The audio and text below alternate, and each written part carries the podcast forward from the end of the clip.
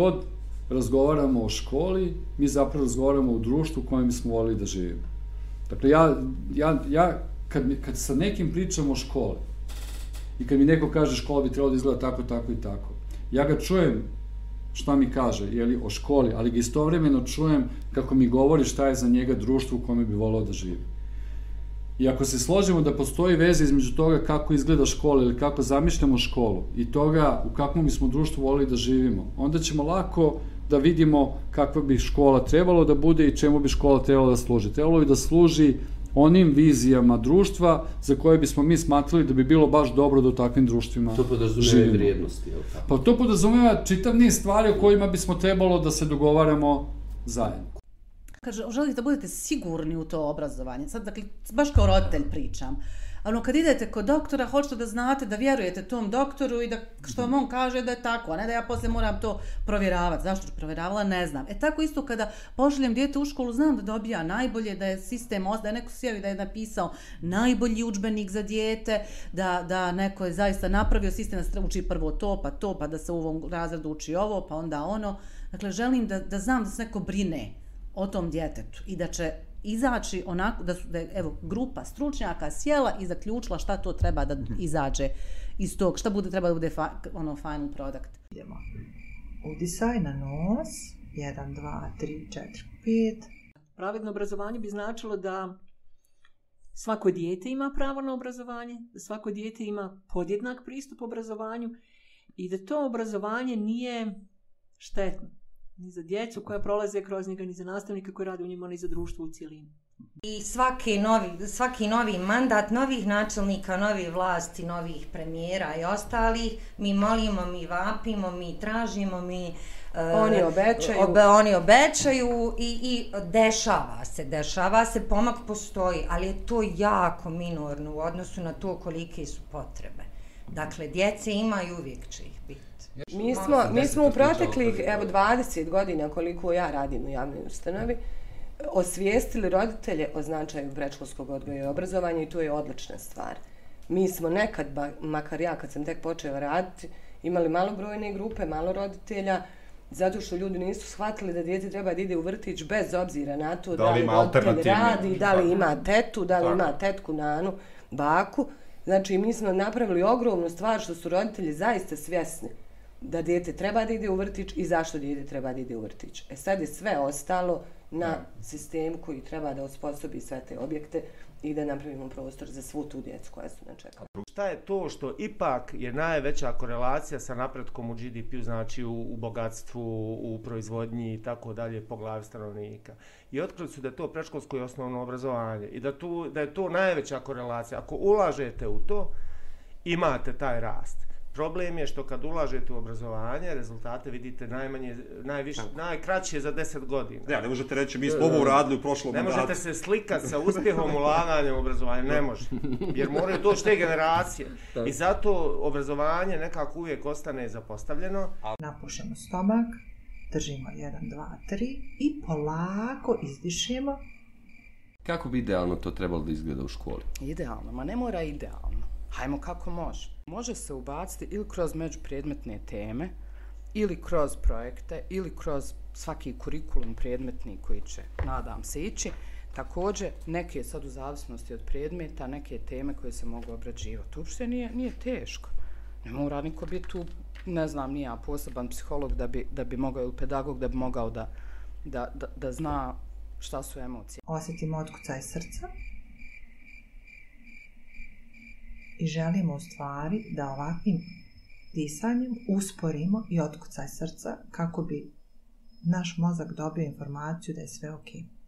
Mi prikupljamo neke podatke, podatke stavljamo jeli, u kontekst, oni se formiraju neku informaciju, te informacije kroz vrijeme i iskustvo nam dolaze do znanja, kad porastimo, dolazimo ka mudrosti, jel? ali na osnovu toga mi znamo hoćemo li lijevo, hoćemo li desno, hoćemo li uraditi ovaj ili onaj uh, neki sljedeći korak. Šta je to uopće za naše gledatelje? Kako mi definiramo medijsku informaciju? Zašto nije samo medijska pismenost? Otkud informacijska? Koji Pa- su to osnovni pojmovi? Zašto je to bitno? Ili to je još jedan u nizu ovih trendova, kao ide seksualno reproduktivno zdravlje, pa ide demokratija, pa sad medijska informacijska pismenost. I ljudska prava. I ljudska prava. od kako je čovjek progovorio, a pogotovo od kako je počeo da jeli, bilježi svoje neka opi, opažanja ova, ili poruke drugima, medijska informacijska pismenost postaje ključno šesto čulo čovjeka.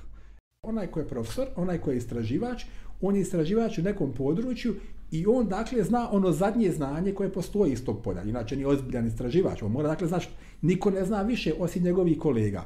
I ne može sad neko doći od ozgo i njemu reći ti ćeš to ovako istraživati, ti ćeš to ovako.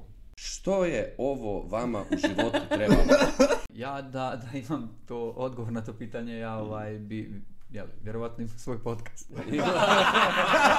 ali mi imamo za to, ali, ali, Mi imamo podcast, ali nemamo odgovor. ali odgovor, dakle, ni da. Nisu ljudi budale, dakle, nije, ovaj, nije džaba došlo to da, da, da su tamo neki ublehaši, da je to tamo neko pranje para, jer zaista je bilo takvih stvari. Vladin sektor u Bosni i Hercegovini, možemo se složiti, ovaj, je nastao činjenicom da su postojale neke donatorske pare poslije rata koje je trebalo potrošiti.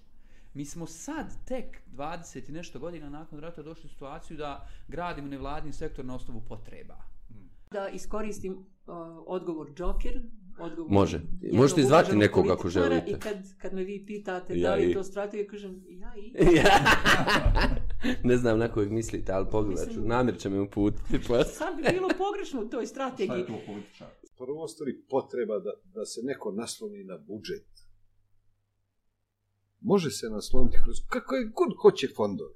Kakve god hoće, hoće o, o, ovaj vrste davanja javnih para. Ali samo nije dobro da to bude kroz obrazovanje. Ne može obrazovanje biti ni socijalna ustanova u smislu a, osiguranja, ne, ne. Samo je pitanje da li ti ovo znaš ili ti ovo ne znaš. Ali kako se nauči? Dakle, to je pitanje. Ako ne naučiš u formalnom obrazovanju, dakle, ako ne prođeš u, u onom do univerzitetskom, pa na kraju čak i ovo za što se specijaliziraš novinarstvu, gdje se nauče te stvari? Kradeš, kradeš, ideš, hvataš, kra, otimaš, kradeš, o- obećavaš, ganjaš. I onda ta, taj sukob unutrašnji, znaš, to, ukro bih, ali ne mogu. Mm. Znaš, gladan sam, ali želim pošteno. Znaš, nekako, da na kraju dana, bez obzira koliko god da se tvoje potrebe svode na, na, na, na te Prehranu. primarne, Ne, primarne egzistencijalne stvari, bez obzira na kraju dana si negdje ipak i dalje čovjek. Da. Znaš, i da tvoja lična odgovornost i da tvoj dalje odnos potreba. i dalje potreba i da tvoj odnos prema tom si- tom Da, siromaštvu. zapravo da je to čak važnije od ove egzistencije. U tom trenutku, Da. dakle, njemu je važnije to nego ako da će izgubiš- sutra je- moći da jede. je. Jer ako izgubiš to, izgubio si sve. Ja sam tad počeo da kapiram ono, pa da čoveče, znaš, sirotinji sve možeš da uzmeš, a ne možeš ponos da im uzmeš. Hoće